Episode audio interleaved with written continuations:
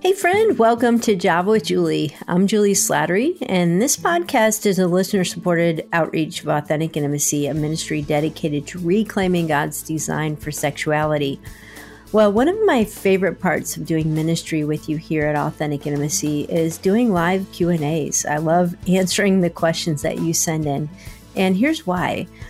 First of all, nothing that I teach or write is going to be useful if we can't put some practical handles on it and apply it to real life situations. And your real life questions help me do just that. Plus, when you're brave enough to ask questions, you help people put language to the things that we wrestle with, um, but other people may not know how to put language to their own questions. So you help us do that.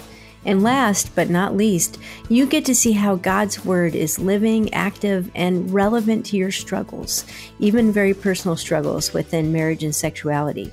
Well, in today's conversation, we're going to tackle some of the questions that you've sent in, like Does having common interests with your spouse actually lead to greater intimacy? And what do you do when your husband can't stop looking at porn? And we'll address that lie that God created sex for men and not for women. Now, helping me answer these questions today is Linda Dillow, the co founder of Authentic Intimacy and the co author of the book that I wrote with her, Passion Pursuit and Surprised by the Healer, and um, my friend Yvette Maher.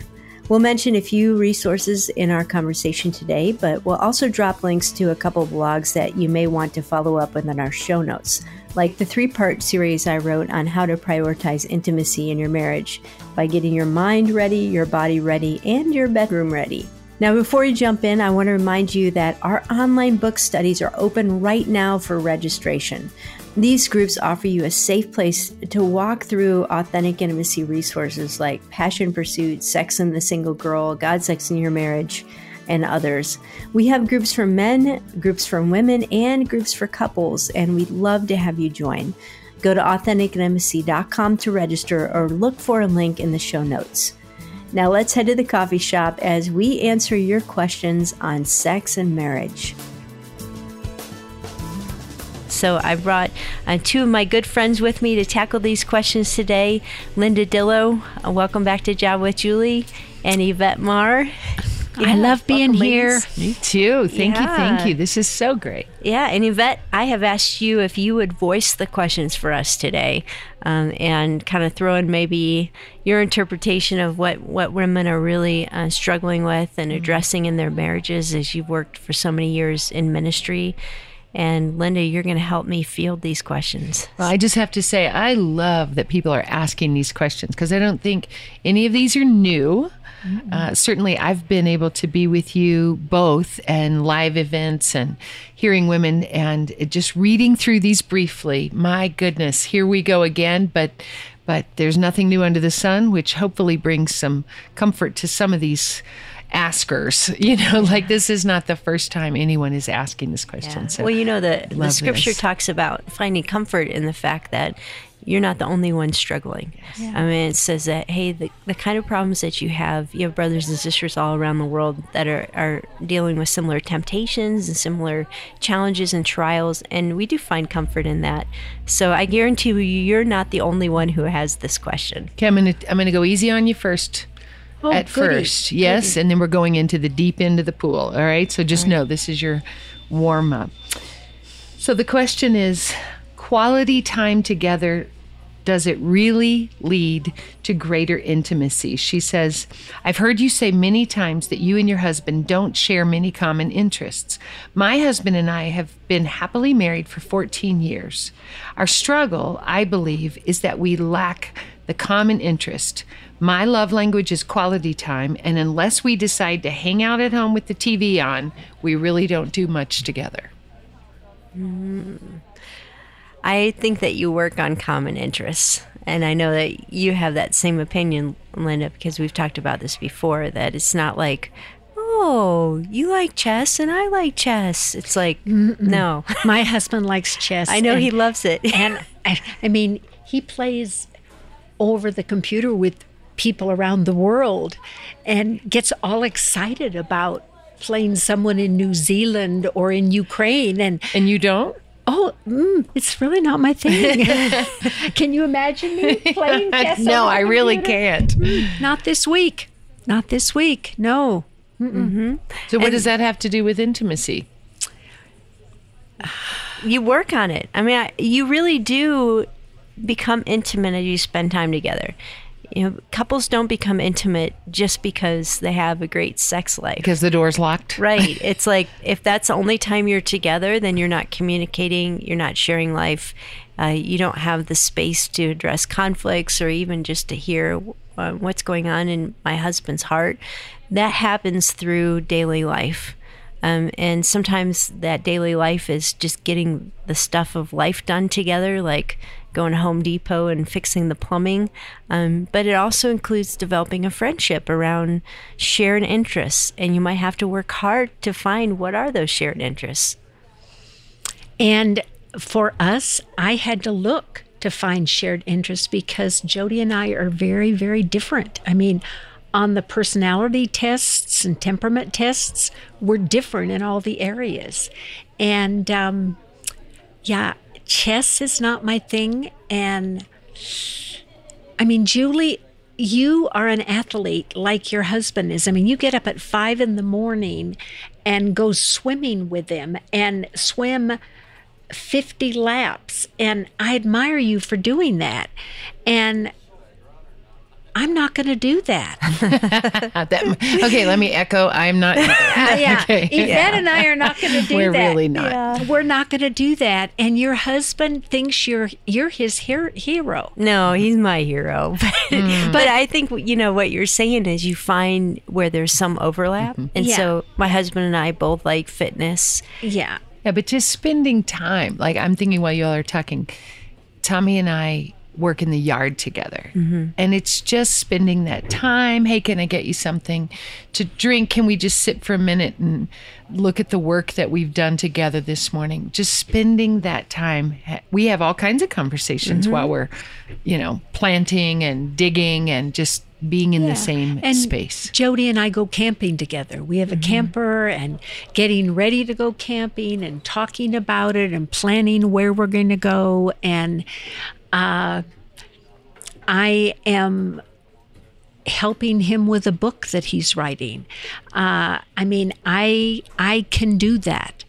Uh, so you look for things, you look for ways. And I ask him about his chess and how he's doing with the man in the Ukraine. I don't just ignore it like it doesn't happen. And I know when he goes down on the treadmill down in the basement that what he's trying to do is beat his all time record. So I ask him, How did you do? Did you beat the world record that you set before? I mean, you stay involved in each other's lives. He's praying for me as I'm here recording Java with Julie because he is involved in me. Yeah. And um, So it really does lead to intimacy. it does lead It to does. intimacy. Yeah. And you know, I'll just give one other quick idea that that you can do if you're having trouble finding what are, what are those overlap between me and my husband our interests. One thing that Mike and I have worked on over the years is we have a list of 100 things we want to do together in our mm. lifetime. And it's really fun because it's like you just, some of these are like crazy ideas, things that we'll probably never end up doing, but they're dreams. Um, you know, like traveling to uh, the Holy Lands or something like that. Uh, you know, other things are things that are very practical, like doing an adventure race together, or um, you know, one of the things on the list was leaving an exorbitant tip for somebody, you know, and just kind of seeing their delight. You know, just throwing a party for our friends. If if you get together with your spouse and you you open up, hey, what are just some things that we would love to dream about and pursue together? You'll come up with those things. Um, and it just you, you just need to spend some time giving yourself freedom to dream. I think together. Ooh, I love that. I love it too, Julie. What a great idea. Yeah, so start small. Like even from hearing this, sit down and make a list of 20. yeah. Build yourself Yeah, towards a 100. Yeah, if you 10. think if you think you couldn't even come up with 20, Mm-hmm. start with 10. Yeah. And write them in a book and say, "Okay, why don't good. we try to do five in the next six months or the mm-hmm. next year. Mm-hmm. Yeah. And that would be a good goal. Build to the relationship. Okay, well, I, I want to say one thing. I Yeah. want to say one more thing. I remember a woman saying to me, "Really, the main thing we have in common is our sex life, and my husband just loves it that we have so much fun together in the bedroom, and but." We need to have other things. And I said, Well, yeah, you need to have other things, but rejoice that you really have fun together in the bedroom and go for that. Um, plan creative things in the bedroom and thank God that you have that. and you can redecorate the bedroom together. You know, you're all in there. kinds of We can. That's right. redecorate the bedroom together, but Yeah. Tell your husband how grateful you are That's a real gift. that you have that together because a lot of couples don't. Well, this sort of dovetails uh, on this topic, and this particular email comes in and says, I've listened to your Java with Julie episode on My Husband is Not My Best Friend. So, Dr. Julie, I found it extremely interesting.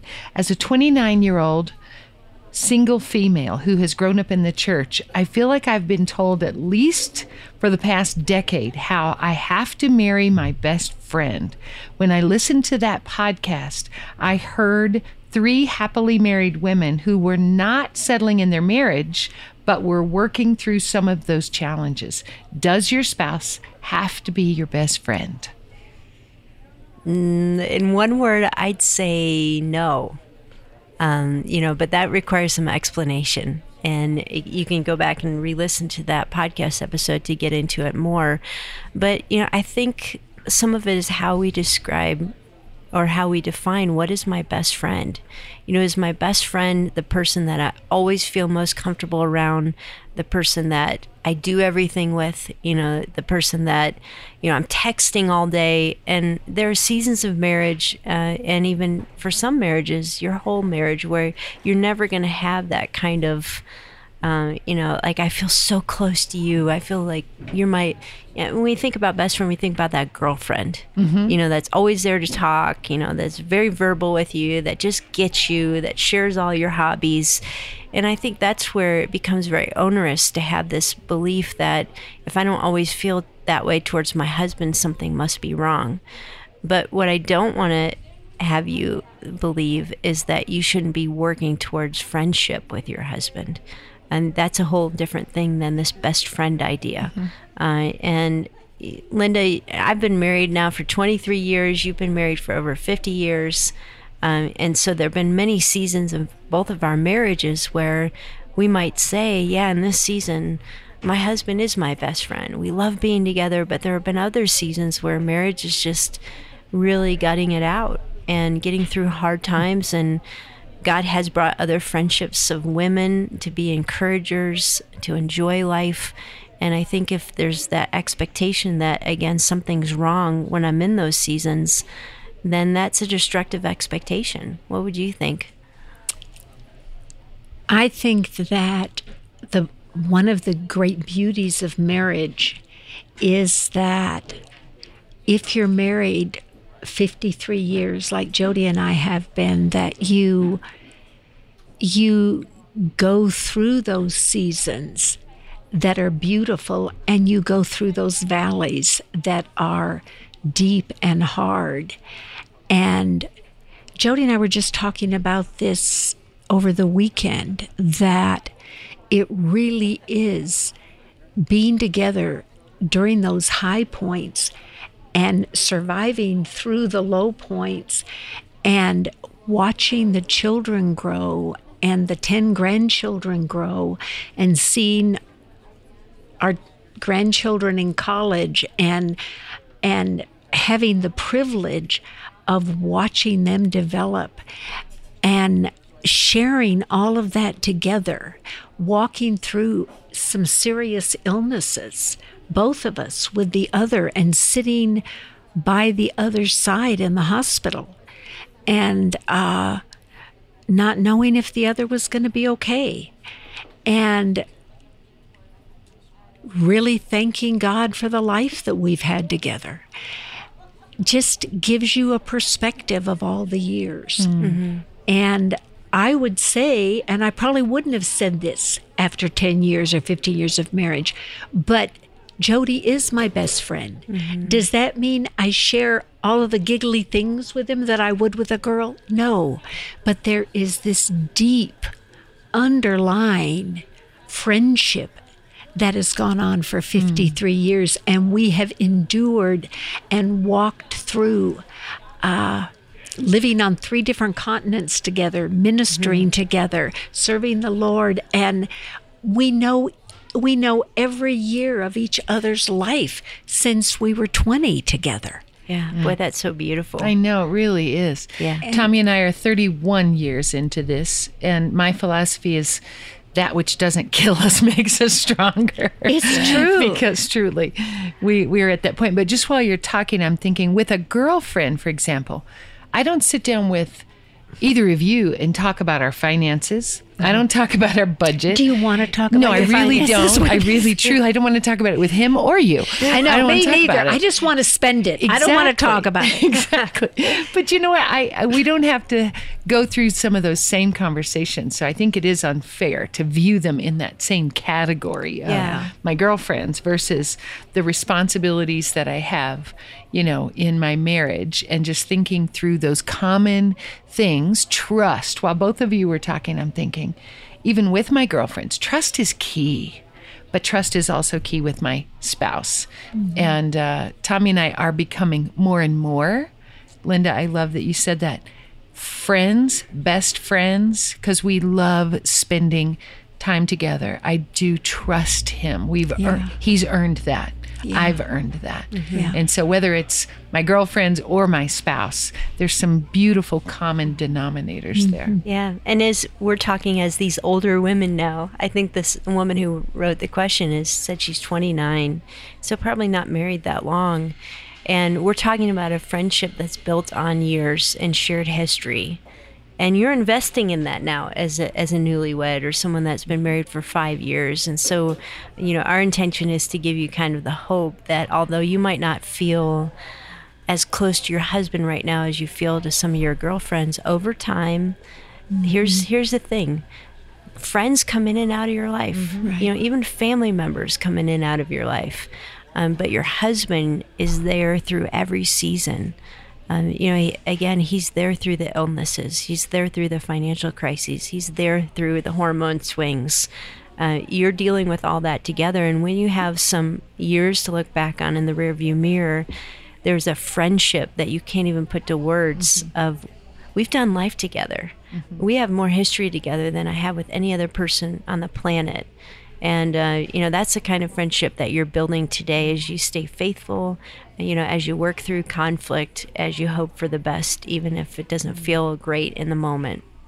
It's a great line from a movie. And of course, I can't think of it, of the movie, but the line is, You've been a witness to my story. Mm. I love that. Yeah. See, that I think is yeah, it's true. Primed for intimacy, but that's just me. And, okay. And really, a husband and wife are the only witnesses to their story together. Yes. They're really the only people that know the deep.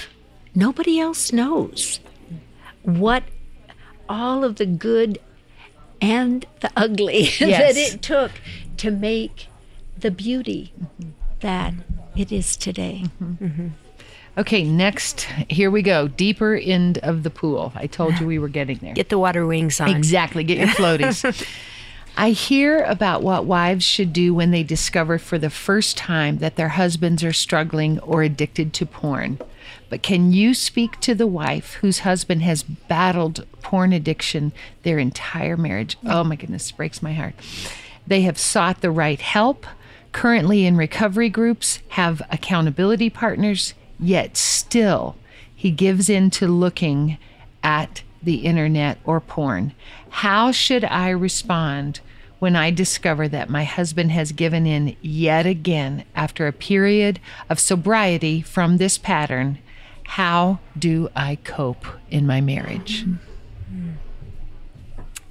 Well, first of all, uh, you know, what a heavy question mm, because, yeah. uh, you know, our our desire is always to give you hope and here's the way forward. And it sounds like you and your husband have been taking that way forward.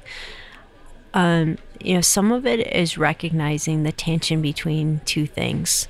You know the tension of god really bringing healing and bringing freedom from an addiction but also recognizing that we're not there yet and with this is particularly true with addic- addictive type cycles. You know, addictions are very deep in our hearts. They're very deep in our soul. There's a spiritual aspect to it, but there's also even a physiological aspect to why we return to something that we know is sinful, we know is harmful.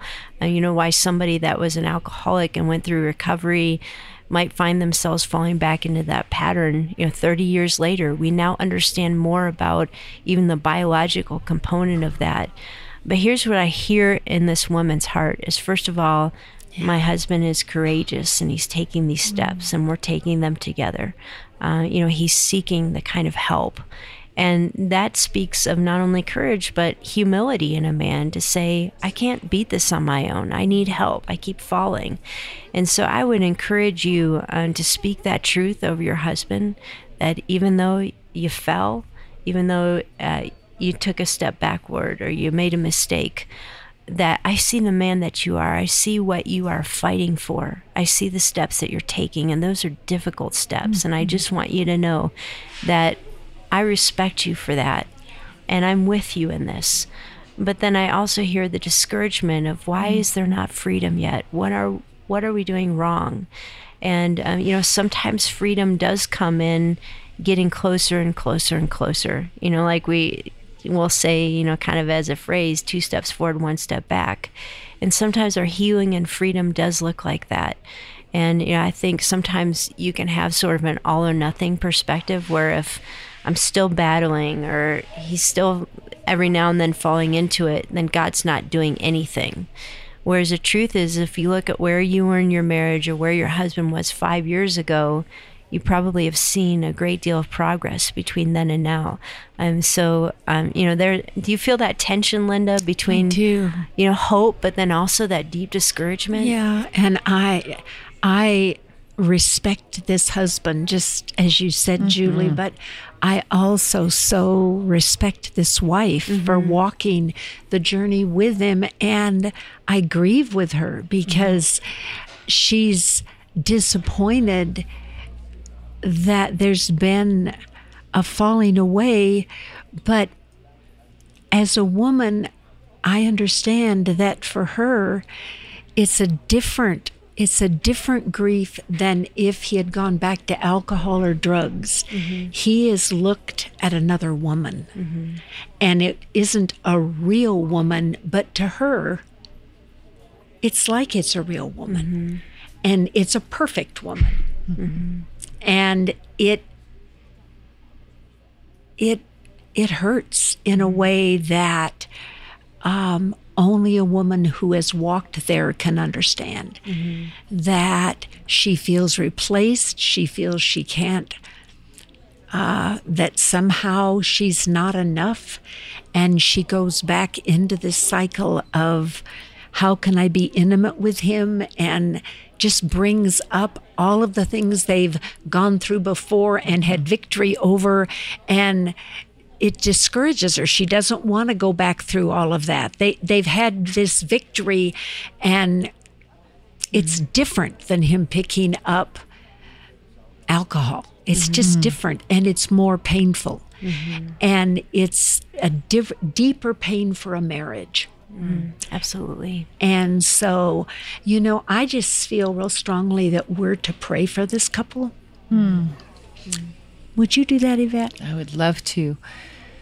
Lord, we come to you on behalf of this couple, and Father, we know that you already know, you already know the pain that is in their hearts, Lord, and the emotions that are involved here. And Father, we stand right now in the gap for this couple as well as many, many couples represented in this question. And Lord, we ask you for a healing. We ask you, Father, that you would come into that place in this marriage, Lord, of forgiveness and hope Lord, that the ashes that are represented of what has been destroyed in their marriage, Lord, that you will take those ashes and you will turn them to beauty, Lord. You will take the seasons of mourning and give them joy and dancing for those sorrows. Mm-hmm. So, Father, we thank you, Lord, that you take all of these things, all of these things, and heal them and redeem them and reconcile into this marriage, Lord, hope and that they would thrive on your word, Lord, and that she can praise her husband, Lord, for those areas of success, but also that she will shoulder with him, Father, the areas of pain, and that, Father, you will be undergirding them in all these things. For the yoke is easy and the burden is light. Father, we ask, Lord, that anyone hearing this will relinquish to you and surrender to you the problems and addictions and temptations in their marriages. And we praise you for answering those prayers in Jesus' name. Amen. Amen. Amen. Thank you. This next letter says When I got married, I had to work through the idea that sex was created for men and not for women. Mm. I don't feel like I deserve any pleasure. So, Wow. Yes.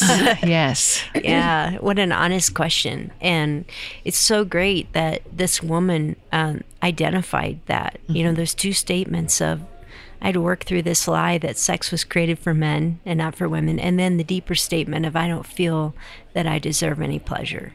And, you know, those are two lies. And the first step of really combating lies is to say them out loud. Uh, and I think a lot of women believe these lies without knowing that they believe them. But then the next step is okay, well, what's the truth? Boy, that is just like the enemy. Mm-hmm. Because the truth is, in reality, if you put how much pleasure a man gets and how much pleasure a woman woman gets, I think a woman gets more. Yeah. Based on what? Yeah. We want we're all ears here. Yeah. I think God made her body to be able to experience more pleasure than a man's. Sorry, guys. okay, so what sorry, you, not sorry. So what did you say to the woman then, Linda, who says that's not been my experience? Yeah. I just think that because God created us like that, that if we will give in to the joy and delight in the pleasure that He wants us to have and accept that this is what He has for us, that He will give that as mm-hmm. time passes. Yeah. How much, I'll ask both of you this question. How much of intimacy is physical? How much is emotional, mental, spiritual? How would you break those up? Oh, I think for a woman, it's a lot more intertwined into the emotional and spiritual yeah, do and. Uh, you know the psychological. And yeah i think that's why women have this idea that wow this is a lot more fun for men than it is for women. Yeah. Because uh, for men it's more simplistic. It's you know, just it's very it's, physical. it's very for for men it's very physical uh-huh. But for women, I would say most women that have trouble experiencing pleasure and sexual intimacy, it has nothing to do with the physical aspect. Uh, it's it's the lies that are buried. It's believing that I can't experience pleasure, or I like this woman I don't deserve to, or uh, this has been so tarnished that I can't let myself enjoy it. There's something wrong with me. Uh, so as we work with women, we're always uncovering what is it underneath that makes you feel that this is shameful or that you don't deserve pleasure. Um, would you agree with that, Linda? I would, but I think that it can be physical for a woman. Do you realize that only about 25% of women have an orgasm uh, vaginally?